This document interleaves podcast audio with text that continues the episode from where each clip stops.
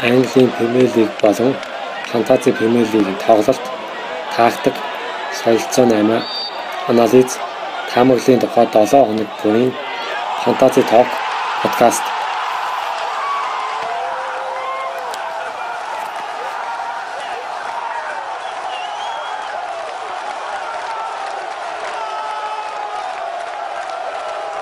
Фантаси Ток подкастын ээлж дугаар эхлэх гэж байна. Тэгээд нэг 7 хоног үндсэн байгаа бүгд одоо нөгөө хөдөө ажиллаар явсан учраас за тэгээд 2 дугаар тайгаас 2 болон 3 дугаар тайг өнөөдөр нөхөд хамтдаа явах болно.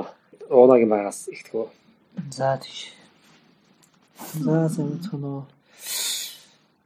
За миний хувьд 2 дугаар тайраг дээр ер нь харцангуй сайн авсан. Ихэнх хүмүүсийн хувьд бол 2 дугаар тайраг нэлээд онолтой тайраг байсан юм шиг лээ. Таамагаас гадуур гэдэг. Тэгээ миний миний хувьд бол их хадсан тайраг байсан л та 64 оноо авсан. Тэгээ дундаж оноод ч нэг ихээр дундаж оноос дээгүүр. Яг нь нийт хамгийн өндөр оноо 119 гэж байгаа. Тэгэхээр яг ер нь бол 50% та их юм уу. За энэ дэр хамгийн их оноо авсан хүн гэхээр ер нь бол юу Ламела одоо таарсан гэх юм уу? Маш сайн тоглолт хийсэн 12 оноо авсан. Гэтэ багийн ахлагчаар 50 болохоор яг 12 оноотойгоо л байгаа. Тэгээд Бирминьяг багийн ахлагчаар тавьчихсан болохоор 8 оноо аваад нийт 16 оноотой болсон. Хамгийн өндөр оноотой. За тэгээд Ламела Сибалс хоёр нь бол ихэнх оноог авсан. Нийлээ 23 оноо авсан. Тэгээд мөрөөдлийн багт орсон мөлий. Дутлагчаас бол Ферминио 8 оноо, Лакетт 8 оноо. Авсан Варди бол яг зүгээр тоглолтонд оролцсон гэдгээр 2 оноо авсан. За хамгаалалт бол бараг оноо авгүй. Александр Арнольд Аке 2 1-1 оноо, Робертсон 2 оноо. Тэгээ энэ хаалгач Патришо гаргасан. Патришо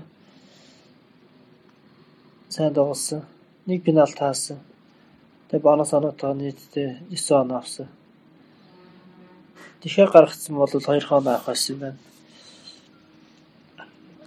За тэгээд Заха ер нь сайн тоглохоо гэсэн чинь Заха ер нь нэг сайн оромд орж өгөх байгаа. Тэгээд ихэнхдээ сэлгээс харж байгаа болохоор энэ дээр сэлгээс гарч тоглосон баг. Тэгээд 2 хоноо авсан. Погба ер ямар ч оноо аваагүй. 90 минут тоглоо 2 оноо аваад тэгээд пенальт алдсан гээд хас 2 оноотой 0 оноо гэсэн юм байгаа. Энэ зүйлтэй. 3 дугаар таргаас шүү дээр ч юм уу те. Аа. Их 2 дугаар таргаад дуусгах юм уу? Хаяа таараа дуусгах да. За тийм. За миний хувьд бол нэг юм байгаа. За. 2 дугаар тариг дээр 43 оноо авсан. Тэгээ энэ оноо ер нь их хойш татчихлаа гэж бодож байна хамгийн өндөр оногийн дийн л авсан байна л да 11 оноо. Тэгээ бусд нь бол их бага оноо авсан. Багаас ч саалаг тавьсан. Гэтэл тэгээ саалаг 3 оноо авсан. Уг нь Ливерпул Саутгемптонтэй тоглосон. Тэгээд Саутгемптон хэсэг сайн тоглох болов уу гэж бодсон. Тэгээд арай ч үнийг 2-1-оор хоцсон. Тэгээ саалаа нэг их үүрэгтэй байгаагүй. Зүгээр 3 оноогоо л авсан. Тэгээд ахлаач гэсэн тэгээд 6 оноо л авч байгаа. Ордоо тэрэг би өөрөө хөдөөж байсан нэг илхүү тоглолтууд үзэж чадаагүй. Тэр нэг тийм нэг үнэхээр нөгөө сайн тоглох болов гэсэн багууд нь маш муу тоглоод санаанд оромгүй л тойрог болоод өндөрлчлөө л дээ. Тэгээд 46 оноо гэж одоо тэгээд 43 оноо маань тэгээд ер нь маш муу хангалтгүй л оноо болцсон байна. Бүр гайхмаар л болцоод байна да. Авто төрөг бүр. За миний бодлоход цагтаа FC фэнтези багийн тухайд бол 42 оноо авсан байгаа. Тийм дундаж оноос бол нэгээр илүү. За тэгээд багийн тактикийн тухайд бол 2 дугаар тавигт 5 5 2 гэсэн тактик тоглосон. 5 хамгаалагчтай, 2 давтлагчтай дундын шугамдаа үнтэй тоглосон бөгөөд тэгээд хамгийн өндөр оноо авсан нь хамгаалтын шугамаас Sheffield United-ийн Lundstram 14 оноо авсан. Тэгээ мөрөөдлийн багт болсон байгаа. Аа Ливерпулийн Робертсон болохоор клиншит хийгээгүй учраас 2 оноо. А Манчестер Юнайтед бас клиншит хийгээгүй учраас 1 оноо гээл. За мөн Кристал Палас ч гэсэн клиншит хийгээгүй учраас Келли 2 оноо гээл. За Ватфордын Холи Бас гэсэн бас ялгаагүй. За тэгээд дундын шугамд болохоор Нектос Пепе 45 минут тоглосон сэргэнээс gaч тэгээд хангалттай байж чадаагүй гоё ингээд нэг хууралтууд хийсэн боловч тэгээд гол хийгээгүй эсвэл гол голонд олж чадаагүй байгаа. Тэгээд би яг пипэг бол за юм байна. За Стерлингийн тухайд бол тэнийг гол ямар ч зүйл хийсэн. Тэгээд 6 ноттой. Тэгээд нэг саалаг авахчаа тавьсан байсан учраас тэгээд алхачаа боо сонгосон учраас тэгээд оноо жоохон буучиж байгаа. Тэгээд саалаа яг авахчаа тавьсан учраас 6 ноттой болоод За Калум Вилсон болохоор нөгөө гол давалцсан гэдэг утгаараа 5 оноо авсан. За тэгээд Баунлигийн Кэсвуд нэг 2 оноо авсан байгаа. Ингээд нийт 42 оноо авсан. Бага 2 дугаар тоогийн даах байдлаар бол за мэдээж хаалгач райн гарсан. Сэргэнд Фабиански энэ хоёр нэг ялгаа оноо аваагүй байгаа. 2 дугаар тойргууд ийм тэгээ 2 дугаар тойргийн тухайд бол ерөөхдөө бол тэгээ Премьер лиг нөгөө хитгэн нөгөө том багууд нь ойлгомжтой үргэлж хождог гэсэн лиг биш шүү гэдгийг нэг тод томьёон харуулсан юм боллоо л да нөгөө одоо ингээд Манчестер Юнайтед нөгөө ихний тавигт ингээд нөгөө маш сайн тоглосоо одоо Погба ч юм уу одоо Рашфорд ингээд сайн тоглоод явчих байх гэсэн чинь зүгээр нэг тэгж харагдсангүй. Тэгээ саалаа ихний тавигт тэг сайн байсан. Одоо дахиад одоо нөгөө софт хэмтэнгээс солбагийн хэсэг тоглож байгаа капитанаа тавьчихад болчих байх гэж бодсон чинь тэгсэнгүй. Баг тоглолтоо агуулга харах юм бол софт хэмтэн Ливерпулийг илүүхэд яг хуу тулаанд одоо дайнд одоо хэмтэн ялсан боловч эцсийн тулаанд нөгөө Ливерпул хожигдчихж байгаа. Тим тоглолт болсон. Байн за өөч одоо нэг хилээд ах юм аа. Халадаа 2 дугаар тойргийн тухайд бол а Рона одоо амгт 2 дугаар тойргийг нэмж хэлэх юм байна уу? За 2 дугаар тойрог дээр ерөнхийдөө нэмж би нөгөө Погбаг бас ер нь гангархал нэгдүгээр дээр их сайн тоглосон болохоор бас сайн тоглоход 2 дугаар ахлагчаар тавьсан байсан. Тэгээд бүр ямар ч оноо аваагүй. Тийм юм болсон. Тэгээ хаалгачийн хувьд Патрисо гаргасан маш зөв шийдвэр болсон. Тийм аа. Тэгээ ачиг харж исэн бол 2 тойрыг дараалал нэр нь муу тоглолоо. Тэгээ Марионда солилцоо 8-д оруулах хаа. Заахаа ер нь бас өөрөө тийм идэхгүй байна уу. Уулын тоглолтын харахад э, форм гайгуул байх шиг байсан. Тэгсэн мөртлөө нэг сайн хичээж тоглохгүй байх шиг шаарч байна. За хамгийн тухайд 2 дугаар тавиг дээр нэмж хэлэх юм байна уу? Ер нь нэг Өтөө зэрэг тэр тоглолт үзег болохоор өстой мэдхгүй байна дөө. Их л одоо наалцсан хүнд таригл болж өнгөрлөө гэж бодож байна. Тэгээ нөгөө бүтүүсэн ливүүдтэй бол наваа гайгүй явж исэн чинь тэгээд их доошо 40 өндөрлөө унтсан байна. Уг нь Хотод доктор ядч нэг 60 оноод унталсан бол эхний хор дотор байх боломжтой байсан юм шиг байна. 3 дөргийн даах бодлоор гэтэл үгүй боллоо. Тэгээд хордоо төргийн дараа. Энэ зарим тоглогчдыг өөрчлөх юм уу? Бодол байсан нь тэгээд дөнгөж 200 дөргийн дараа бас геймт олон юм хийгээ яах вэ гэж бодоод болчлоо. Зүгээр л эхний 2 дөрөг 10 дөрөг тоглолцоогүй бас. гэж бодоод тоглогч бүрэн формд орооч дуусаагүй байх гэж бодоод. Байна. Ер нь бол жоохон харамсалтай тариг болоод өнгөрчихжээ. байхгүй байх оронд. Тэг байсан бол ч гэсэн ялгаагүй л байсан баг л та. Ахлагчийн сонголтын дээр сааллагаас илүү стерлингийг төвсөн бол бас 50 оноо төгөх байсан байх гэж бодлоо. За тэгвэл 3 дугаар тавиг тавиг тавиг гээд авъя. За тэгээ 3 дугаар тавигийн тухайд За би шууд эхэлчихье дөө. Нийт одоо хамгийн өндөр оноо авсан нь 107 оноо авсан байна. Дунд жана 44 оноо, миний хувьд бол 54 оноо авсан байна. За тэгээд 3 дугаар тавигийн өмнө болохоор нэг хоёр солилцоо хийсэн. За багасаа болохоор Пукиг одоо авцсан байгаа Пукиг Нов Ситиг нь автагчийг тэгээд Аснада Сибаласыг авсан. Ийм 2 8 хийгээ хийгээд тэгээд 3 5 2 гэсэн хувилбар тоглосон бөгөөд тэгээ хамгаалтын шугам бол хаалгачаас босд хүмүүс нь бүгд одоо нөгөө 0 оноо авсан. Халибас 0, Бамбисака 0, Лүнстрам 0, Ран 1 гэсэн. Тэгэхээр нөгөө хамгаалтууд шүүнэн шанаг байлаа. 3 дугаар тавигтууд манай багийн тухайд бол за дундын шугам бол Стерлинг болон Сала хоёр бол хамгийн өндөр оноо авсан байгаа 16 болон 15. Аа үгүй шүү.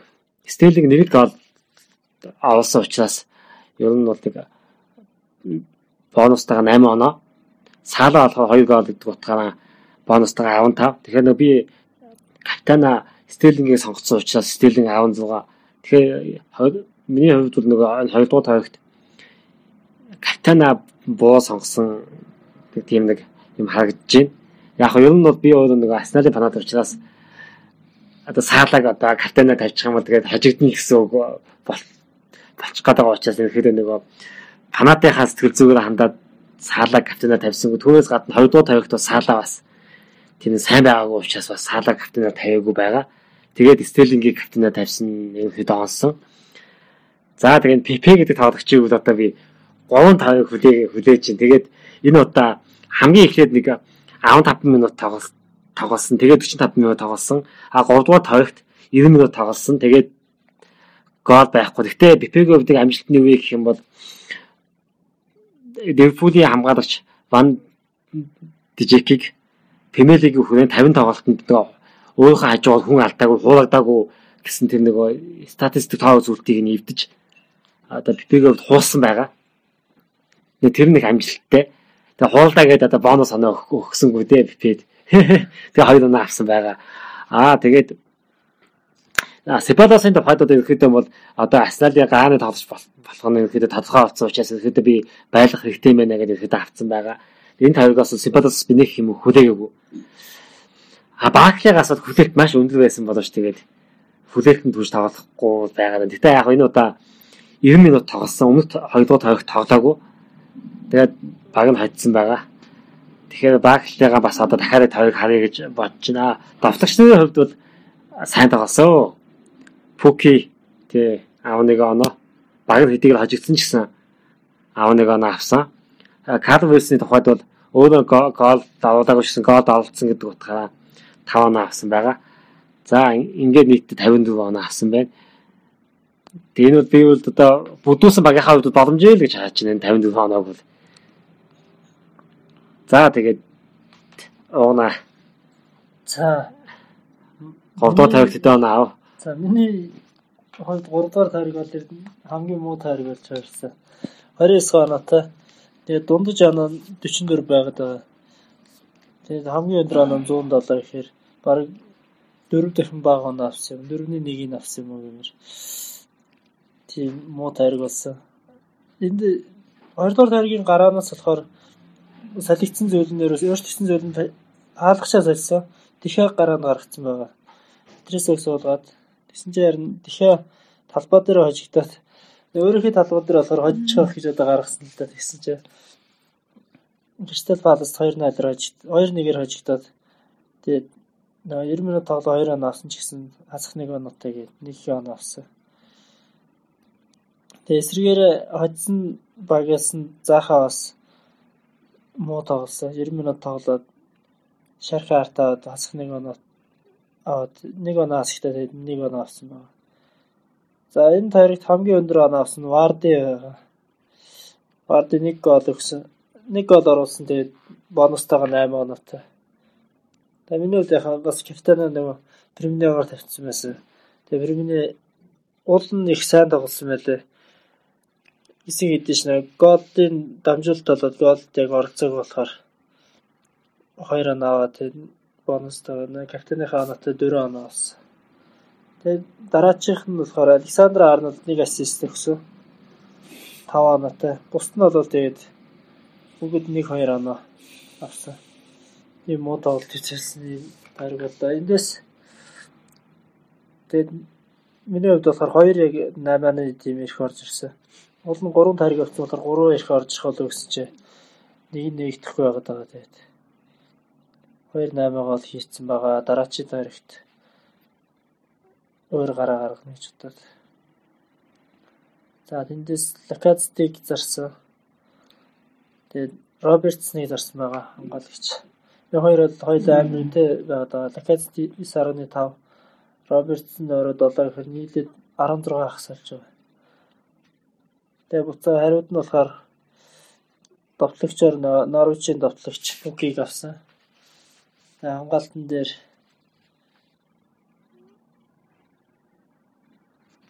энийг авсан. Юу ваа холдыг авсан байгаа. Кристал Палас. Яг хоёр бол хамаагүй мөнгөний хувьд ч гэсэн аягүй хямдхан байсан. Тэгээд маш сайн тоглолт үзүүлж байгаа болохоор бас шууд худалдаад авцсан тэгээд байж байгаа. Дараачийн таригаас бас 8 нэрх орж ирэл төвийн ахсаас хагас хамгаалагчаас бас солио гэсэн бодолтой байгаа. Погба хамгийн үнэтэй нөө Погбаг зараад ер нь Штерлинг юм уу Сал хоёрын аль нэг нь авах шаардлагатай байна гэсэн тийм дүгнэлтэнд хүрсэн. Тэгэхгүй тэр нь оноо орыг сайн явахгүй. Довтлогчд сайн байгаа ч гэсэн төдийлөн тоглолт болгон дээр яг тогтмолыг олдож чадахгүй байгаа учраас ялч гинэ супер тийм довтлогч хагас хамгаалагч авах хэрэгтэй болчиход байгаа. Саяны 8-аас бол 4000 үлдсэн. Одоо тэгээд Погбаг зарах юм бол тэр хоёрын аль нэг авах боломж хангалттай нэгдэж байгаа. Тэгээд 8-ны эрхэл одоо хүлээж байгаа юм. Тийм байна. Тэгээ буцаа буцаага дараачийн дайраг дээр матрисээ гараанд гаргахаар болоод ингэж гараагаа бүрдүүлсэн байгаа. Тэр төр тариг дээр. Миний тийм дандаа хамгийн муу тайраг болж хоёлаа. Ресоната. За. Миний гудаа доктор 74 оноо авсан байна. Тэгээд саала баяглагчаар тавьсан. Ер нь Арсенал Ливерпулийн тоглолт Ливерпул ер нь сүүлийн тоглолтууд нь дандаа илүүрч байгаа учраас тэгээд Арсеналын хамгаалалт их муу байгаа. Учираас тэгээд Ливерпулийн Салагийг багаалагчаар бол сонгосон. Аа Стерлингийг сонгох боломжтой байсан ч гэсэн Сал илүү дээр тоглох болов гэж бодсон. Тэгээ яг бодсны дагуу Сала 2 гол хийгээд нэг 30 оноо аваад 74 онооны тийм ахсын баг авсан байна.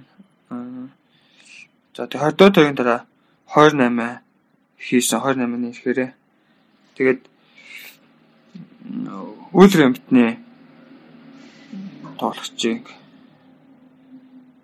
за чиний заслуутай аа тийм химний зин зарцсан юм байна. Тэгээд хонд нь пүкийг авсан. Аа Шиньяныг зараад бас Маунтыг авцсан. Маунтыг бол нь пресишн тоглолтуудыг хараад авчий гэж утснаа. Бас ямиг хачирлаад болцсон их буруутчлаа. Эрд авах боломжтой байсан. Тэгээд жоохон нэмэгдсэн өн авчлаа.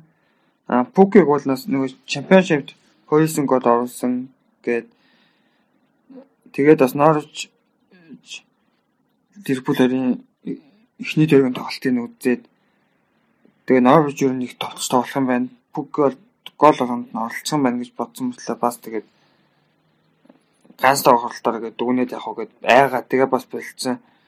Тэгээ бас үнэтэй болсон хойно авцсан байна. Яг бодсон үедээ шууд авцсан байсан бол бага бүтлэгтэй шууд авцсан байсан бол бас илүү дээрх оноо цуглуулад авах боломжтой байсан юм шиг харагдаж байна. Аа тэгээд одоо дараагийн тойрог дээр дахиад 2-8 хийх бодолтой байгаа. Энэ тойрог 8 хийхгүй унжчиод тэгээд сүүгүрцэн бол их муу байгаа. Нийлээд нэг 6 8 оноо 3 тойрогт авцсан. Гэтэ хүлээгээд байна. Аа холибас бас их муу байгаа. 3 тойрогт нэг 2 оноо авсан. Тэгэхээр холибасыг зарах бодолтой байна. Аа тэгээ кингийг бас их зарах бодолтой байгаа. Кингийг зараад тоглохчоо бас нэг өөрчлөлт юм болов гэж бодсноо бодож байна. Тэр нь холибас аке кин 3 бас зарна гэсэн бодолтой байна. Бормонд бол миний ботноос их муу хүлээлтийг эхлүүллээ. Хүүлэр Ват постын холибас их муу байлаа. Хүүлэр амтан бас их муу тоглож байна. Эвэрт их муу тоглож байна гэд хам бол анх бүрдүүлсэн байгаа. Харахад нэг улирлын төрчгөө бодсон. Гэтэл яг өмнөх улирал сайн тоглосон магууд их муу тоглоод тэрнийг дараа тоглогчноос их муу байгаад байгаа учраас энэ давхар 8 хийх бодолтой л байна да. Ийм л тойрог болж өнгөрсөн байна. Аа арай нэг тэгээ Пепенскийг зараад Петрусаг мо Попыг авах бас бодол байна. Дээрс энэ дөрөвдүгээр төргийн тоглолтуудыг харчаад дараагийн юмудаа шийднэ гэсэн бодол байна да. Яаж ч нэг Пуки тренд болж энэ одоо баг хүн болго авч шиг. Тэр Барнас хэд нэг төвтгчөөс байсан. Тэр бас улан сайн байгаа юм л ихтэй ялч үн Харучин гол товтгч эдний маш сайн тоож байгаа л Тэгээ Пукиг бол ер нь авсан байгаа. Нэг хүний зөрүүний хол байгаа. Тэгээ дараа боломж бол хагас дээр хямдхан гэлэн заахаа сайн формонд орох бол заахыг зараад нөгөө Норвичийн хагасны Кантвел гэдэг байгаа. Тэр нэлээд өндөр үзүүлэлтээр тоглолт болгон дээр голын боломж баг үүсгэж байгаа тийм тоглож гэсэн. Тэрийг авах сонирхолтой байгаа. Эсвэл заахаа биш ихэд Андриг ом шиг зархтал авчижээ. Андриг ом шил одоо 3 тойрог нийлээд 4 хон авсан юм үзүүлэлтэй байна. Эцэг тэр Кантвил чимэр 15 он авсан явж байгаа тийм. Тэгээ миний хувьд Андриг омшис хамаагүй хямдхан байгаад байгаа. Тийм. Новичийн тухайд бол төвийн хагасуудаас хэн ч юм ассист өгөх боломжтой гэж хаад байна. Кантвеллийн тухайд бол өнгөрсөн 2 дугаар тойрогт Фукуги хийсэн хедэрэхтээ хоёр ассист өгсөн. А гэтэл нөгөө стандарт цогтууд, чөлөө цогтууд тэгвэл Кантвел биш тэрний нөгөө буундт нь гүйцэтгэд байгаа. Тэгэхээр бас бүүндтүүд бас байж болохоо сонгоод. Гэтэ бүүндтийн тухайд жоох үндтэй үнтэй байх шиг үлээ. Кантвелтэй харьцуулахад Тэгэхээр Нович бол ер нь их тоглож авахд их хямдхан байгаа гэдэг хааж болох юм. Тэгээд Sheffield United-ээс бол одоо ер нь нөгөө давтууч болон дундын шугамд одоо хэнийг нь авах гэж гэхэд их хэцүү. А ганцхан нэг тодорсон тоглогч нь болохоор нөгөө лүнц цаан болчиход байгаа. Sheffield United-ийн тухайд бол доотлогоос гачсан багуудаас Aston Villa-гийн тухайд бол авч болох хэд хэдэн тоглогч бол байна. Гэрлиш. Тийм, давтлагч нь байна дундын шуманд хоёрч тоглогч байна. Хойтлын хамгаалагчнууд хямдхан. Тэгэхээр нөгөө давтгоо болон одоо дундын шугамаа сайжруулах гэх юм бол Sheffield United, Aston Villa, Norwich City гэсэн гурван багуудаас 8 хийх юм бол бага одоо сайжруулах боломж байгаа шүү гэж бас бас фантази фантази тоглогчтой бас санал болгомоор байна байна. А тэгээд түүнээс гадна бас Челсигийн хувьд одоо ер нь нэг тоглолтыг нь халдаа. Тэгээд ер нь одоо нэг яаж тоглох нь ер нь тодорхой харагдаад харагдаж байна л да. Тэгэхээр бас Челсигээс бас сонголтууд хийвэл бас их боломжийн гэж хэлмээр байна. Челсигийн бас Абрахамыг давтлагчуул бас авцсан байхтууд ер нь голдоод байх юм шиг харагдаж байна. Гэхдээ яг Челсигийн тухайд бол одоо нөгөө дундаж олон доод зэрэглэлийн багуудтай бол бас л өгөө гол голын хувьд өгөө аваатай л тоглох юм шиг байна. Тэгэхээр бол их олон голтыг нээлттэй тоглоод үзүүлэх байх. Зүгээр топ гэдэг байгаа багуудтайгаа харин ихэн тоглохыг мэдэхгүй байна Челсигийн тухайд бол. Тэгэхээр Челсигээс хүн авах их зүгээр. А түүнээс гадна Southampton бол Нодингийн нэг удирдлагын төгсгөлийн 3 тойргийн даах байдлаар хаахтууд одоо форма хадгалсан байна гэж хаад байна л да. Нөгөө тийм нэг дайчин гой нэг тийм нэг уран тоглолт үзүүлдэг тэр нь бол харагдаж байна. Тэгэхээр Southampton-аас бол Redmond ч юм уу Вилсон гэдэг нэг байсан. тэрийг бол бас авах боломжтой санагдаад байна. Вилсон тэрний хаалтаа цогцолтыг бүр амар төвчлээ тэр. Шит гэж. А Wilson гэхэд Bournemouth-ийн нөгөө Harry Wilson хэлж гинөө. Сэргээгээ гачилсан. Сотивт амдарч. Тийм. Тэр яг ялчгүй нөгөө Ситигийн одоо Стерлинг юм уу Сала хоёрын аль нэгийг бол заавал авах хэрэгтэй юм шиг байна. Яг нэг Премьер Лиг угаас өнгөлж байгаа хоёр багийн хоёр супер нь одоо баг Хэрвээ Агуро яг ингэ формо одоо сайн тоглоод идэх юм бол Стерлинг бол баг Ситигийн номер 1 их баг болохоор бол чиж байгаа юм. Даныг харж байгаа. Тэгээд тэр хоёрын нэгийг заавал багтаа авах шаардлагатай юм байна да гэж харж байна. Агуро энэ хамгаалттай ер нь үнэтэй тоглогчтой зараад хайлуулах юмтхан тийм энэ одоо саяны зөвхөн хэлдэг шиг Норвич Сити тэр Асти Вилла тэр Шеффилд Юнайтед эдний сайн тоглож байгаа хамгаалагчдыг авчих юм бол урдуураа довтлохоогоо сайжруулах боломжос нэлээд гарч ирэх юм шиг байна.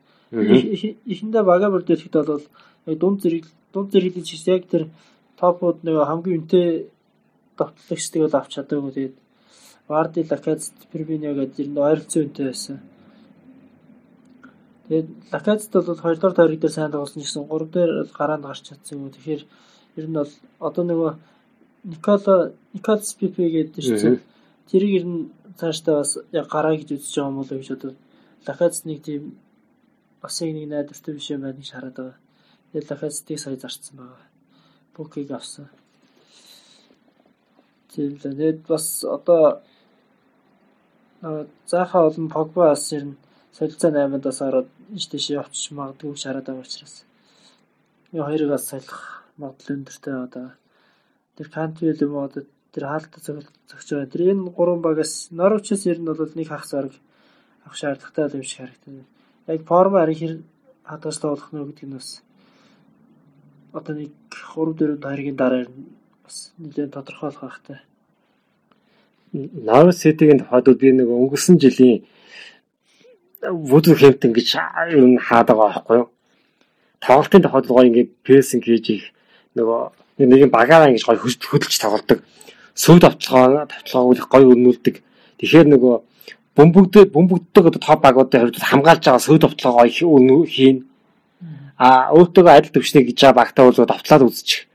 үзчих юм байна гэж хаасан. Тэгэхээр өнгөрсөн жил ер нь би Вудл Хэмптон гэж хаад байна л да. Новичиг бол Пуки чинь бүр амар байлээ. Тэр чемпионшипт 29 гоолтой тэгээд 9 ассисттэй гэжсэн. Аа. Тэгэрч бүр тасарсан. Яг тэр сэтгэл зүгээр энэ Премьерлигтэй бас тоглоод байна. Яг одоо тэгээд жоохон форма алдчихгүй л энийгээрээ бол арга мэрэгэн бууч дээрс тэр одоо чинь Стерлигтэй 5 5 гоолтой ярьж байгаа тий. Тий. Тэр юунд явж байгаа. Нэг амар тоглогч гараад ирсэн юм да. Тий. Зөөр 29 настай гэдэг л. Хөгшин бас хөгшин дээр онно л та. Гэтэ гайгүй. Гэтэ Варди ч гэсэн бас анх цаарж явахдаа бас 29-тэй 30 цай байсан уу? Тэгсэн. Тийм байсан хаа. Мэргэн боц олж явахдаа. Тэгээд яг хоо Баунлигийн анх нэг фантази бага бүгдрүүстэй Баунлигаас Баунасыг тоогүй нөгөө Крис Вудиг нь авсан юм л да. Тэр бас хөөхөнгөө Улилд бол нэг 3 4 улилдын өмнөх түүхийг нь хаахад улилд бол нэг 10 гол золттой хийж байсан байхгүй. Тэгэхээр нь бас за зөв нөө баанлагаас Крис Вудийг авчигээд баанлагыг тоогоо хайсан чинь харин боо сонголт хийсэн байна. Хэрэг баанлагыг авсан бол их авах боломж байх байсан. Одоо эргээд бас нэг харагдаж байна л да. Одоо сайн нөгөө яг өдрөд эхлэхийн өмнө фантаз бүрдүүлж яхад хамгийн арын хэсэгтэр нөгөө хямдхан хэсгүүд шүү дээ. Хамгийн арын хэсэгтэр Норвечин бүх тоглогчид байсан. Тэгээ урдлах дээр нь тэр нөгөө Барнес төр явж байсан. Бараг хамгийн хямдхан байсан хүмүүс чи одоо э, лиг эхэлсэн чи бараг хамгийн өндөр оноод эхэлчихлээ л дээ. Аа. Тэгэхээр бас яг энэ доороос гарч иж байгаа багуудын тэр яг доор үзүүлсэн тэр тоглолтын агуулгын бас харж судалж явах хэрэгтэй юм шиг байна. Ерөнхийдөө гарч ирхаар нь тэр өмнө хийсэн тухайн тоглогчдын нэг тэр үйл үзүүлсэн тоглолтын тайм ч юм уу тэр мэрийг сайн амжилтыг нь үзчих бол тэр яг доороос гарч иж байгаа багууд бас нэлээд тесрэлт хийгээд байна л да. Тэгээд хамгаалтын тухайд бол одоо ерөнхий нэг Лестерийн хамгаалтууд их сайн байгаад байгаа.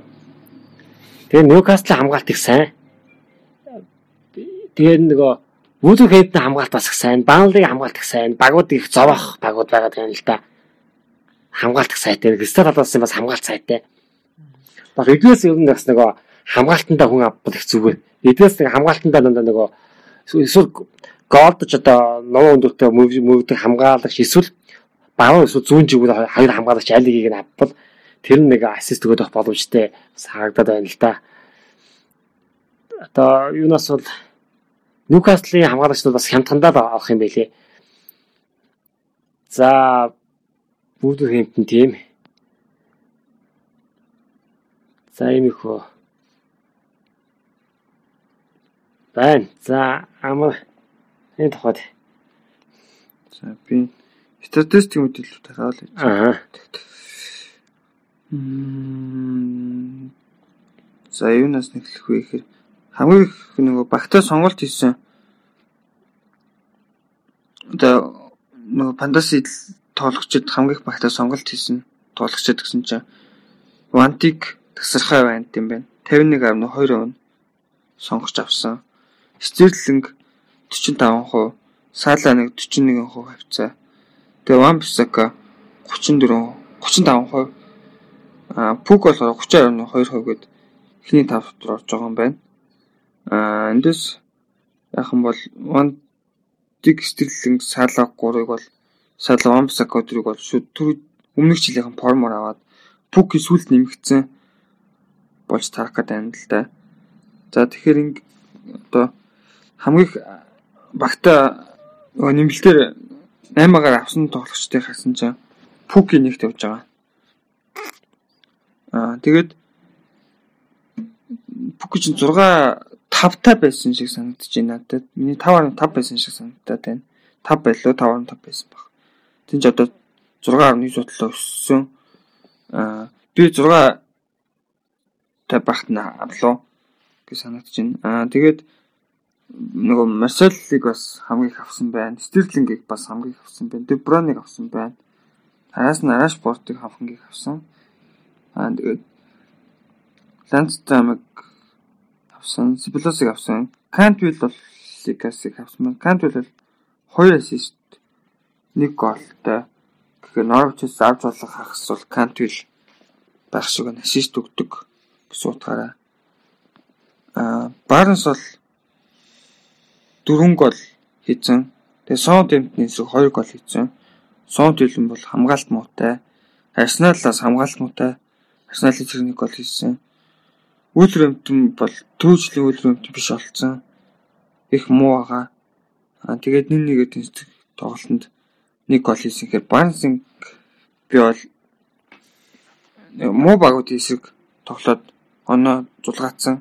Аа тэгэхээр Пук болохоор Ливерпул эсрэг нэг гол, Ньюкасл эсрэг 3 гол, Челси эсрэг нэг гол гэд бас дажгүй багуудын эсрэг гол оруулсан болохоор Пукин дээр гэж хараад байна л да. За зарагцсан тоглогчдыг харах юм бол айл өсөн хамгийн их зарсан байна. Айл өсөн бол нөгөө бэртэлтэй байгаа учраас шууд автоматар зарчиж байгаа. Араас нь Бернандо Силваг их зарж байна. Бернандо Силва тоглолтод нэг оролцохгүй байгаа. Миний санахын нэг сэлгээгээр их цөөн минут өнгөрүүлээд байгаа. Аа тэгээд Призриг их зарж байгаа. Би Призриг авцсан байсан. Тэгээд Заацнаа. аа байлгаж байгаа. Ер нь хадгалаа амиг аж мэдгүй гээд. Тэгээ орой бүтснэг бас их зарсан. Орой бүтсэн бас байгаа. Маш үнэтэй хамгаалагчийн хувьд болоо. Дэрмэнүүдийн турш тоглож байгаа мөртлөө ассист одоогор нэг чалга гол дээрээс оролцоогүй байна. Аа тэгэхээр хүмүүс их зарсан байна. Кинг их зарсан. Бормонт хоёр төвлөгчийг зарсан байна. Саалаг бас их зарсан. Тэгээ хоёр дахь тойргоор нь үнэлэл зарчих шиг боллоо. Одоо 3 оноо ангууд нь Гэтэл 3 дахь тойрогт шууд 10 оноо авцсан. Саалаа бол зараад тэмээ сонголтолтой.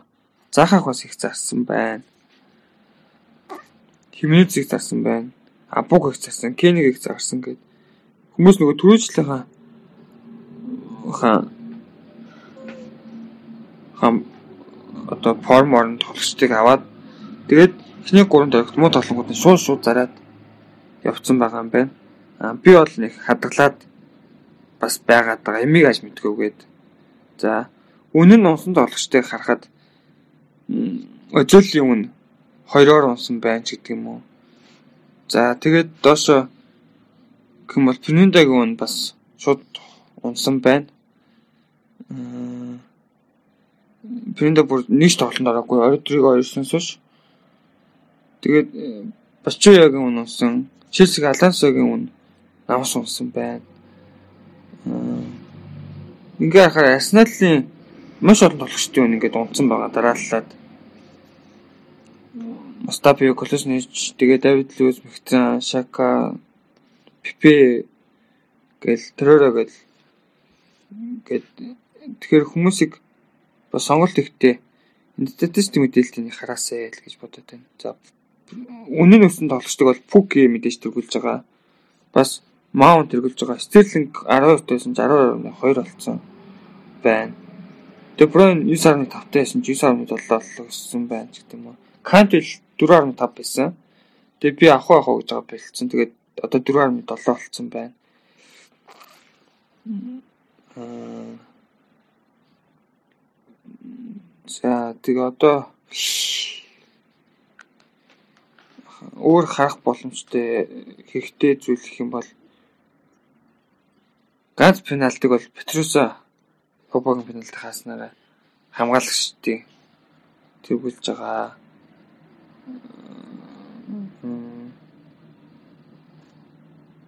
За тэгээд нийт оноогоор бол Пуки 35 оноо авцсан. Стерлинг 34 оноо авцсан. Гэтэл Стерлинг одоо Пуккаас 2 дахин үнэтэй. Аа. Саала 30 оноо авсан. Гэтэл хамгийн үнэтэй тоглогч нь Саалаач гэдэг юм уу. Барнс бол 25 оноо авсан. Тэгээд өнөө нас өссөн 6.6 болсон. 6 тайсан шиг санагдчихэв. Аа, Агуро бас 24 оноо авсан. Тэгээд Агуро энэ удирдлын турш өрсөлдөхүү гэдэг эргэлзээтэй байгаа дөрөнгө голтой. Тэгээ нэг гол нь бол тэгээд хэрүүлээсээр хагаад авсан. 11-с гэдэг ч юм уу. Аа. Тэг Брэн 23 оноо авсан. Тэг 3 тоглолтод 4 ассист өгсөн байгаа. Аа. Өөр авт болохоор сайн сонголттой. Юм бол Питерс байж болох юм байна. Хамгаалалтанд бол Минаг авч болж байна. Еремина болж байгаа 2 клин шидтэй. Аа Тэрс нь хамгаалтын жил их сайн байх шиг байна. Эхний 3 тоглолтод бол 2 клин шиттэй байгаа. Пикборд одоо хаалгач клин шит дээр төрүүлж байгаа. Тэгэхээр ерөөс насныг хамгаалагч авахд болж байна. Тэгээ энэ бол нэг диний навцсан. Миний бол нэг тотлоонд оролцдог гэдэг утгаараа аа тэгэхээр ер нь дин бахад болчих байх. Дин байгаа юм чи минаг хэрэг нэг байхгүй ч гэдэг юм уу. Аа тэгээд данк хүмүүс их аваад ахчих гэн Британи Албани мөн бас хямдхан байгаа. Бернансээ бас хожлын гол оруулсан. Ватфорд төсөв сурын ганц голыг оруулсан Бернанд бол банкын гараа. Бас үннээс их хямдхан 6.5-тай хасан болгоч хувьд. Лунстрам бол Өстө хамгийн хэрэгтэй сонголт ах шиг байна. Тэвч гисэн авсангүй 28-аа давхар хий гэж бодоод авцсангүй орчлоо. 18 ихээр бас хэцүү байгаад байдیں۔ 28 их мөр хослуулаад ингээд хичгэрэх амар байгаад байдаг. Тэгэхээр э, статистик мэдээлэлүүд ерөнхийдөө нэг иймэрхүү байна да. Тэгээ хамгийн өндөр формтой мэдээж Пуки тоглогчдыг формоор Тэгээ хамгийн өндөр формтой мэдээж Пуки тоглогчдыг формоор тэргүүлж байна. Тэгээ Стерлинг саалаа гэл явж байна да. За тэгээд Даачийн 4-р тойргийн тоглолт Southampton болон Manchester United тоглолтод 8 сарын 31-нд эхлэх юм байна. Southampton талбайд Manchester United очино. Тэгээд энэ тоглолт бол тийм Manchester United хувьд амархан тоглолт болохгүй бах. Тэгээд тэгээд Chelsea-гийн талбайд Sheffield United. Тэгээд Chelsea бол энэ дээр бол ер нь талбай дээр хожих бах. Тэгэхээр Chelsea-гаас сонголтод хийх зүгээр байна. Crystal бол Aston Villa бол Crystal бас талбай дээр тэгээд Aston Villa жошин тоглолт Энэ юу нэг гол багтай дүү тоглолт болох болов уу гэж боддог тийм. Лестерийн талбайд Борнмут тоглоно. Энэ юу нэг тэгэл 0-0 лөө 1-1 үү гэдэг тоглолт байх та. Ситигийн талбайд Баятан жочлно. Баятан бол их хамгаалж тоглоно. Тэгээд хоёр тэгүү 3-1 үү гэдэг үр дүн болов гэж таамаглаж байна. Ньюкаслийн талбайд Ватфорд Энэ бас ер нь бол 0 0 уу эсвэл 1 гэсэн үр дүнгээр дуус тоглолт болох байх гэж бодож байна. Вест Хэмийн талбайд Нович За Вест Хэм бол 2 дугаар тавих 3 дугаар тавихт бас формтой юу алсан хоцсон юм дгээ харах юм бол энэ энэ Вест Хэм бол Нович тоглолтыг сони гаргасан тоглолт байхаа. Вест Хэм хамгаалт сайтад ихтэй хөшүүн. Нович сөрөг тоглох сайт уян хатан Энэ утгаараа Нович нь талбай дээр инвест гэмиг баг хоцчих болов. Тэгээ Пуки бол ер нь тэгээд гол хийх байхаа. Баунлигийн талбайд Ливерпул очноо, очлоо. Баунлиг хамгаална. Тэгээ Ливерпул за Ливерпул ер нь гов тэгмэг ч юм уу гов нэгээр хоцчих байхаа. Эвертон талбайд Вулвс энэ тоглолт чинь бас нэг нэгүү тхий тэгүү гэдэг л бүгдэнтэй бас хаа хоёулаа формгүй байгаа гэж хэлж болно дээ энэ баг бол. За Арсеналын талбайд Спurs ч очлоо. Тэгээ энэ тоглолтод одоо энэ тавгийн хамгийн гал гасан дерби тоглолт болох гэж байна. Хойд Лондонгийн дерби. За эндээс тамаг э, за үзэж олох тоглолт гэх юм бол Сонтевд Мөнөрийн тоглолтыг үзэж боломжтой юм байна. Нийт гарах юм байна. Тэгээ логч юм байна. Тэгээ тэний дараа үргэлжлүүлээд Лист Бормонтын тоглолтыг үзэж болохоор харагдаж байна. За тэгээ маш нэг Тэнсаны 9 цагаас Эвертон Вулверхэмптийн хоёрын тоглолтыг бол үзэж болохоор юм байна. Тэгээ дөрвөлүүлээд Арсенал Спурс хоёрын тоглолт байж болж байна. Тод юм тоглолтын дээр юу гайлцгах вэ? Одоо оргил тоглолт юм биш үү? Аа. За манайх ч Арсеналыг хожихгүй байх гэж таамаглаад байна л да. Яа тэгэхээр ер нь их муу байгаа. Ситиг бол азар тэнцсэн ер нь азар 2 гол уус тэнцсэн. Тэр бол үнэхээр азны тоглолт гэж хэлэх тоглолт болсон л да. 3 зохиол 2-ын шоонд ороод тэгээд тэр хоёр гол болсон. Гэтэл Сити 30 зогсон. 10 хаалга авсан. Тэрний хоёрх нь гол а вараар бол бас голуудын тооцоогүй гэх мэтэр тооцох юм бол манайх үнд сайн байсан да хоцсон биш гэсэн үг. Аа. Тэгээ одоо нөгөө Эриксэн ер нь явхан тодорхой болсон. Тоглохгүй байгаа. Тэгээ дундын шугам бол өнөхөр асуудалтай. Тэгээ Ваняма бас ер нь яс явахаар болж байгаа. Тэгээ манай дундын шугамч одоо бүр үнэхээр одоо хөнгүү хэцүү. Эндобело бас бэртцэн. Тэгээ дайган тоглолтод тоглолдог гэсэн эргэлзээтэй байгаа. Гээд харах юм бол тэгээд Harry Winks гарах боллоо. Тэгээд Sissoko гарах боллоо. Тэгээд айгуул тэгээд Айли тоглохгүй. Тэгэхээр айгуул Lamela арга төвд тоглож таах гэдэг нөө гэж харахаар баг Ламелагийн нөө хэр ур чадвар зүтгэлтэй тоглохыг гэдгээс бол шалтгааллах хэрэгтэй. Тэгээд Sony эргэж ирсэн. Гэхдээ Sony бол эргэж ирээд тим яваг ангарчихгүй баха. Сүүлийн тоглолт 3 дахь тоглолтод их таархан хаагдчихсан. Тэгэхээр ер нь их Арсенал хочно гэж би бодохгүй л байна. Тэгээ Арсеналыг бас манайха хоччин ч гэж бас бодохгүй байна. Хамгаалтын сэтгэлээд хоччин ч гэж бодохгүй. Тэгэхээр тэнцэх болов эсвэл нэг голын зөрүүтэй л нэг хожих болов гэсэн таамагтай байна. Эриксэн байхгүй болохоор багийн найрлага байхгүй. Тэгээ Кени кол байхгүй. Кен бол өөрөө голын боломж үүсэхгүй. Зүгээр одоо гүйцэдэг тотлогч учраас ер нь хэцүү. А тэгээд ста нэг Лукас Маура, Ламела хоёрын нөгөө онгот нь ороод цорчдгүй юм бол нэг хочгодыг хүндэлтэй л тоглолт болоо гэж таамаглаж байна. Тэгэд надад Арсенал тод юмс илүү Нewton Wolverhampton хоёрын тоглолтыг үзүүштэй болох болоо гэж бодсон. Хоёул топ формутай байгаа. Тэгээд дүүжлэлийг дажгүй тоглолцсон.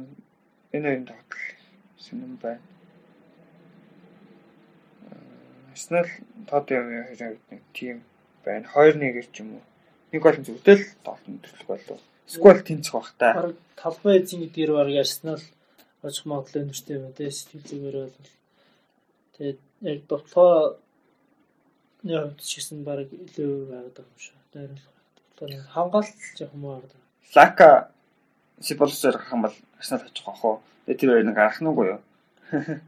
Ард нөгөө ПП-гээ форм оруулах гэдэг бас олох бид гаргаад байгаа шиг тэгээд Абу бас нэг тийм сайн биш байгаад байна тий. Яг үндсэн тоглолтоо гаргаж чадахгүй байдаг шиг л яг сайн тоглох юм бол баг тэр Сиболус Лафец хоёроос одоо Арсеналын хожих бараг шалтгаалж байгаа та. Пипек би бас сайн тоглоно гэж бодохгүй байна л та. Яг тэгэхээр өрөөсрөөсөг тулна. Тийм учраас өрөөс бол Премьер лигтээ топ 5 зүүн жигүүрийн л нэг шүү дээ. Тэгэхээр хэцүү байх. Өрөөс бол хурдтай, тэсэлттэй. Нэг пипек нэг хурдаар тутахгүй учраас их хэцүү тоглолт. Пипе бол нэг сайн баг сайн тодорч тоглохгүй байх. Спурс харин төвдөл төвийн шугамда муу байгаа учраас Арсенал ч нэр нь бол төвөөрөө дээд байгаа шүү дээ. Нах хэвчээ. тийм Сигулс байгаа, Үзил байгаа. Үзилээс сайн тоглох бол тэгэхээр Ламела ч бол хамгаалах чиглэл биш ер нь довтлоо тал руу байгаа шүү дээ. Тэгэхээр яг танай хувьд бол Спурсийн хувьд бол тэр төвдөөл ял дийлдэх байх та. Яг нөгөө булгийн цохилт энэ төр аваад хаалтаа цохилт мөлтөс нөгөө Кен энэ төр яндараад нөгөө мөргөөл хийчихгүй нэмээ хийчихгүй бол хэцүү юм да. Бужиг бужигнууд яхаа нэг моороо нэг жоохон яндарч магадгүй тийм л тоглох гарах юм шиг би ч энэ жил бага топ дүүд орохгүй гэсэн бат итгэлтэй тэгээ хүлэмж өгсөн.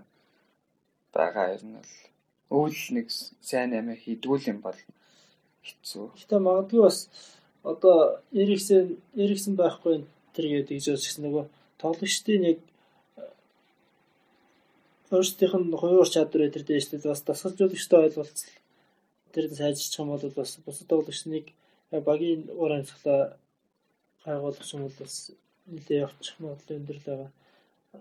Тоттенхэм нөгөө аврагын лигийн финал гарсан гэдгээрээ сэтгэл зүйн амир өндөр байгаа л да. Сититэй эхний тойрог тоглосон тоглолт бол яг тэгж харагдчихсан. Тэгэхээр яг тэр сэтгэл зүгээрээ бас нэлээ сайн явж магадгүй гэж бодод байгаа. Яг хувь тоглогчдын нэг ур чадвар гэж харахаас илүү нэлээтэй. Одоо сан хэмээн ирээд магадгүй фармд ороод сайн тоглолт үзүүлчих юм бол багийнх нь бас нэлээд сэргийл таад ирнэ. Топ дөрөвд бол нэлээд өчгөл байх гэж бодож юм. Манай огч нэг найрлагч болчиход байна л та. Хамгийн гол нь найрлагч байхгүй болчиход. Тэгэл ер нь ер нь бол нэг маньюр шиг тэгэл хөндлөн бас өгдөг л болчоод байна. Тэгээд эцсийн бөмбөг Кентэй заавал очих хэрэгтэй болчоод яг урд хүмүүсийн долтөршийн төгсгөл жоохон таараа байна л да. Тэрнээс ш Ливерпул бас тийм байгаа шүү дээ. Хагас дээр бол баг хүн байхгүй шүү. Тэгээд хойноос хаяал дээр нь бол арын хамгаалалт сайн. Тэгээ аваад яг хоёр хамгаалагч жигүүрээ хамгаалагч бол сайн хаяал тэгж тогтоод байгаа шүү дээ. Уртлын гурав нөө хурдтай сайн дуусгач төгсгчтэй. Манай уртлагч нь хурдаг байна. Одоо сан химийн орж ирэл харин нэг шалвар болох л та. Тэгээ Кен тэрийг тэрний зүтгэсэн одоо тэр бөмбөгийг одоо Кенийг үцээчээд байвал болж тань л тас. Яг одоо Кен битчил ер нь их хайтайхан болох гээд байна. Кен ч юм бол яг сон Лемел Лукас руу гурлаа бэлтэлгөө байгаа учраас нэг Кен битчил тэгээд энэ гураараа нь тоглоод үзүүлэх хайтайхан байна. Ер нь бол Кен тоглоонд гараад Мора Кен сан гур урд гурлаа гарчих юм бол бас зүгээр юм шиг. Мора жигүүр чи хэр тоглолдог үлээ. Тэгээ хань ламилаа гарчих юм бол довтлоод их гоё ялчих юм шүү. Тэгээ хагас ч юм уу байх юм да. Нэг хамгаалтай хагас.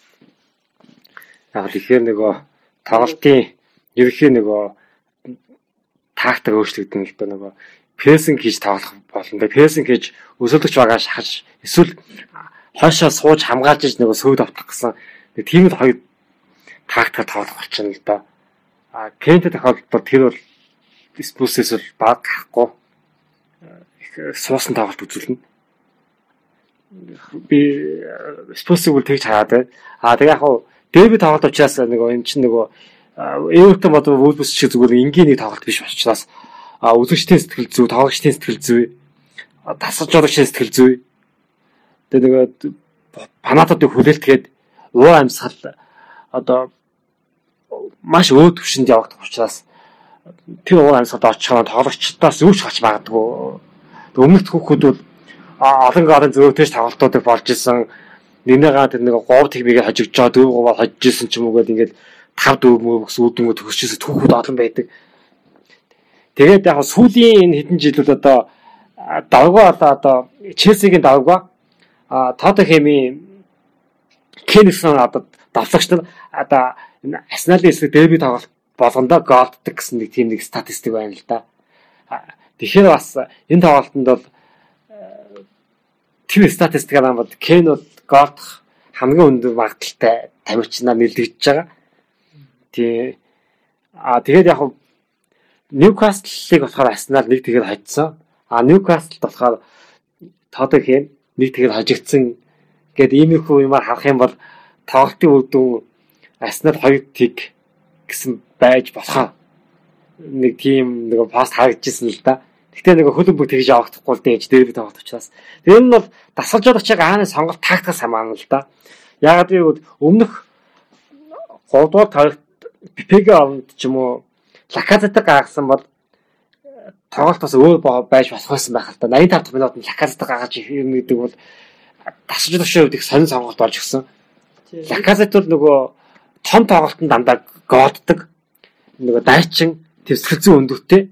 Өнгөрсөн жилийн Ливерпултэй хэлсэн хоёр тоглолтод Лаказет дандаа нөгөө гол авалцчихсэн, гол авалж исэн маш их тэмцсэн гэсэн үд дүн байгаад байтал энэ удаагийн тоглолтод Бипек гаргасан нэг би бол дасалжуулагч бас боо сонголтыг шаардж байгаа. Түүнээс гадна бас Шакаг бас ихэж гаанд гаргасныг бол боо сонголтыг шаад байгаа.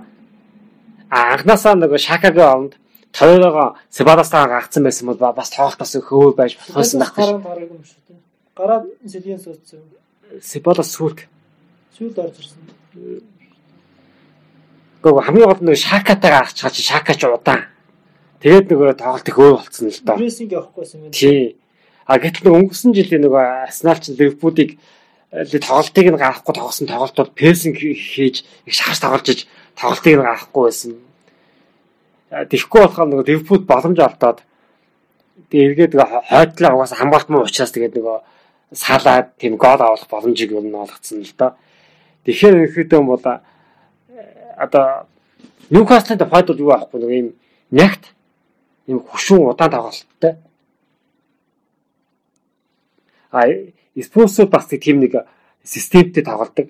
А Арсеналын тухай тэр одоо унагийн тактикаас би хамаарна шаад байна л. Тэр унаа тийм нөгөө прессинг хийхгүй тийм нэг задгаа тоглолт үзүүлэх юм бол Спус бас задаанаа. Нөгөө кен кен кен хөдлөхгүй босгоос ч нөгөө бусад ламелэ ч юм уу мааваа энэ бол маш их боломж олдно л да сон энэ. Тэгэхээр би унааг бол тийм нөгөө хайцгалсан тийм нэг системтэй тийм нэг задгаа биш тоглолт үзүүлэх юм бол Спустэй бол итгэхээ хожих боломжтой гэж хаад байгаа л да. Тэгэхээр бол унааг тактикаас л хамаарна. Яг л боломж нь бол Арсенал 100% байгаа л да. Уг нь тоглолтыг яах их нь бол сая Ливерпул нөө 3-1-ээр очсон шүү дээ. Тэр дээр яг гараагийн гарааны тоглолтыг харж байхад миний гараг шууд уур хүрсэн л дээ. Тэгээ түрүүчийн тоглолтын дээр бол Лаказет Сибалс хоёр бол бараг форм олцсон бол тодорхой болсон шүү дээ. Хоёр таарыг яваад ирнэ ямар болсон. Тэгээд Абу ямар хэмжээнд байгаа гэдэг бас угс харагдсан байгаа. Тэгж яагаад яг шууд формтой тоглогч тийм том багийн эсрэг хариуцлагатай тоглолтын дээр гаргахгүй. Сильвер орж ирсэн байлээ. Тэр Сильвер орж ирэхдээ бүр 80 81 минутанд л орж ирсэн. Тийм харагдчихсан. Тэгээд бараг 9 минутанд бол бараг бөмбөө багийнхантайгаа арыг ойлголцож амжихгүй дууссан шүү дээ. Том багийн эсрэг ялангуяа бол довтлохоож арыг зохион байгуулж чадахгүй дуусч байгаа шүү дээ. Тэр тэр дасгалжуулагчийн хувьд бол маш буруу сонголт хийсэн гэж харж байгаа. Одоо магадгүй тэр юугаа алдаагаа засаад бас энэ тоглолтод тоожигдсан шалтгаан гэдгийг бас тэрийг харж л байгаа дасгалжуулагч юм чинь. Тэгэхээр Таты месрийг бол гараа нэлээд өөрчлөж гарах гэж бодож байна.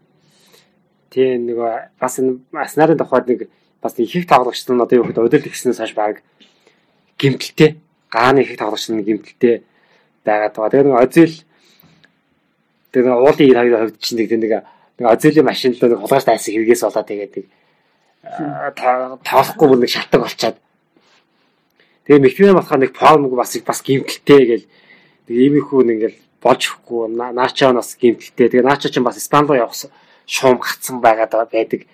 Тэгээ шинээр авсан Тиамны гэдэг байгаа зүүн зүгөө болохоор бас гимтэлтэй тоглож авсан. Тэгээ нэг гааны хувьд их тийм нэг хэцүү яг доцсон гараа байхгүй хамгаалтын тухайд баун зүүн зүг бүр тодорхойгүй. Тэгээд Лозиг одоо нэг Ливерпулээс алдаа гарсан ингээд судалж их яваас хэцүү. Болж өгөхгүй. Яг ч нөө салах бол барьж чадахгүй байлээ. Харин тий. Удаа учраас тэгээд Сакрат салах бас удаан. Тэгээ бас үе үес алдаа гаргадаг эвгүй. Тэгээ одоо Матл найлс чинь бас нэг хойно маш их алдаа гаргадаг. Довтлохонд маш сайн дэмжиж одоо пас мас хайдаг боловч. Тэгээ наача гарлаа гэхэд наача ер нь бол одоо бас их хөгшөж байгаа нь мэдэгдэж байгаа гэл. Тэгээд энэ хойтлын дөрөв хамгаалагч бол их туу хэцүү. Спурсийн хувьд бол оо Спурсийн хувьд хамгаалалт бол үнэхээр сайн. Сайн. Дундын шонгол жоохон асуудалтай гэхээс биш. Сая Никаслны хийгээр ажигц. Энэ дээр болохоор бас л нөгөө дасгалжуулагч бас нэг алдаа гаргасан. Нөгөө хамгийн форм сайтай хүний сэлгийн суулгацсан. Аа. Ламелаг тэр баг 90 минут тоглуулж байсан. Аа. Инкүүц тоглоулаагүй. Тэр өөр бол тийм яг тэр тоглолтод бол сайн нөлөөлчих хүн бол байх байсан. Багдгүй эхний үе дээр жоохон таарад уусч гисэн. Суулгахгүй байжсэн бол бас өөр үр гарах асуудал гэж байна. Аа. Нийтийн тоглолтын дээр ч гэсэн Ламела яг гол голын дамжуул хаяг үжигс маш сайн тоглосон. Харж байгаа. Хоёрдугаар тойрог дээр бол угаасаа бүр гангараад мөрөөдлийн багт орцсон явж байсан шүү дээ. Тий. Тэгээд яг тэр форм олж байгаа тэр бүр өөрийгөө яг багтаа ууссан байгаа үе дээр дараагийн тоглолтын дээр суулгачаад байгаа тэр гайхаад байна л дээ. Аа. Дасгалжуулагчтэй. Тэгэхээр одоо энэ хоёр одоо энэ дөрөвдүгээр тойргийн тоглолтын дээр хоёр баг бол нэлээд өөрчлөлт хийж гарчих байх тэгээд бас нэлээд ширүүн тоглолт болох байх гэж бодож байна. За тэгээд ер нь бол одоо тэгээд би хоёр арсенал хоёрдаг гэсэн гэсэн л таамаглал даа одоо тэгээд нэг багийнхаа танад очиас нэг баг сэтгэл зүгээ дагж юм л да. Гэхдээ ер нь бол энэ Кен Голдно хоёр хоёр нэг хоёр нэг бол их баг л хоёр нэг л гэж хаад байна. Эсвэл 3 2 ч юм уу 2 2 ч юм уу тиймэрхүү хол зөрүүтэй бол тоглох. Хол зөрүүс тоглох байхгүй.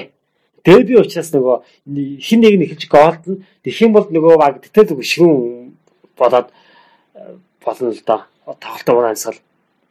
Санхимны форм хэр байхаас шалтгаалах байх та. Энэ шир тоглолтонд орж ирэх юм. Ер нь Арсеналын зүгээс бол э, Сон Хэмэнийг ер нь хамгаалч би дийлэхгүй гэж хаад хамгаалагч нэ. Яг форм орчих юм бол дийлэхгүй хурдаар Худаа тий хуваалгаа яваад тэгээд.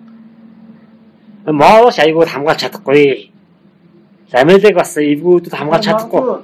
Кен л баг нэгэн гаруул танад Арсенал ашигтай байх хэрэгтэй. Харин Кен авах юм бол нэг бидний удын шугам удаашраад их манай ашигтай байж болох гэдэг юм л да. Гэтэ яг Кен үдэг голч мэднэ. Гэтэ Луис бол Кен Кенийг бол арга аргалаад байх байх юм бол. Адилхан ойролцоо өндөртэй тэгээд. Тэр нь урд нь нэлээд тулж исэн юм чинь бас. Луис найг болох уртан тэгээд. Бараг Кенээс урд нь чийж магадгүй. Тэгээд тоодоос нөгөө шинэ аймаг нь харах боломжтой гэж бодоод энэ дэбэл бичсэн. Хингээ таалж хах гэдэг. Лосельсо гэдэг нөгөө нэг Аргентин залууг Аа, наадах чинь надад гаандах юм биш та айгуул. Тэгээ манай поч ч нөгөө нутгахыг үзэлтэй. Аха. Энэ Аргентинуудаа их гаргах дуртай тэгээд Лосельсо гарах бах та. Эриксэн би гарахгүй л гэж бодож байна. Ер нь бол шуумаар бол нөгөө явах нь бат болцсон. Хувийн тохирондоо хүртсэн. Тэгээ мөнгөн дээрээ л жоохон асуудалтай ах шиг байлээ. Ирал бол тэгээ мөнгөний өчөг ах уу? Ирал руу нь явах юм тодорхой болсон. Аа. Учираас тэ гарахгүй байгаа гэж хэлээ. Тэгээ нөгөө гэрээгээч сонгохгүй Аа. гэдгийг хэлсэн юм шиг хоёр нь л. Тэгээд одоо нөгөө яг баталгаатай болоог учраас алахгүй болохоос биш. Болцоо. Ирал их муу тоглож байгаа. Энэ нь бол эргэсэн явах нь тодорхой учраас тэгээд гарахгүй байх. Дабл эвертсэн. Тэгэхээр түүний шугамд одоо нөгөө Хари Винкс нэг арах Хари Винкс нэг би жижиг гэнтэй их хэцүү хамгаалтанд их хэцүү. Бас найрлагт их хэцүү. Тэгэхээр тэгээд хөнгөөч сари Винкс гарна. Аа тэгээд Сисоко гарна. Тэгээд нэг хүн хэрэгтэй тэгээд Лосисал гарах. Аа. Сая Копа Америка тоглоод ирсэн. Тэгээд бэртэлгүй тэгээд нэг амралт хэрэгтэй гэж пост тоглуулаагүй. Арсеналээс баг хачих болоо да. Тэгэхээр шинэ тоглогчтой тэгээд тэр нь хэрэг тэрийг л харъя. Тэр бол найруулга бол хийхээр л цал байсан. Тэгээд шинэ найруулагч л харах нь те. Аа. Эргэснийг саламжлах. Энэ нь бол тэгээд Арсенал очих байх уу? 2-1-1 хацаа. Эсвэл тэгээд нөгөө манай нөгөө хурдан урын Сони Ламела Лукас гурын тэгээд нэг нэг цоордгүй юм бол тэгээд Арсенал очих байх уу?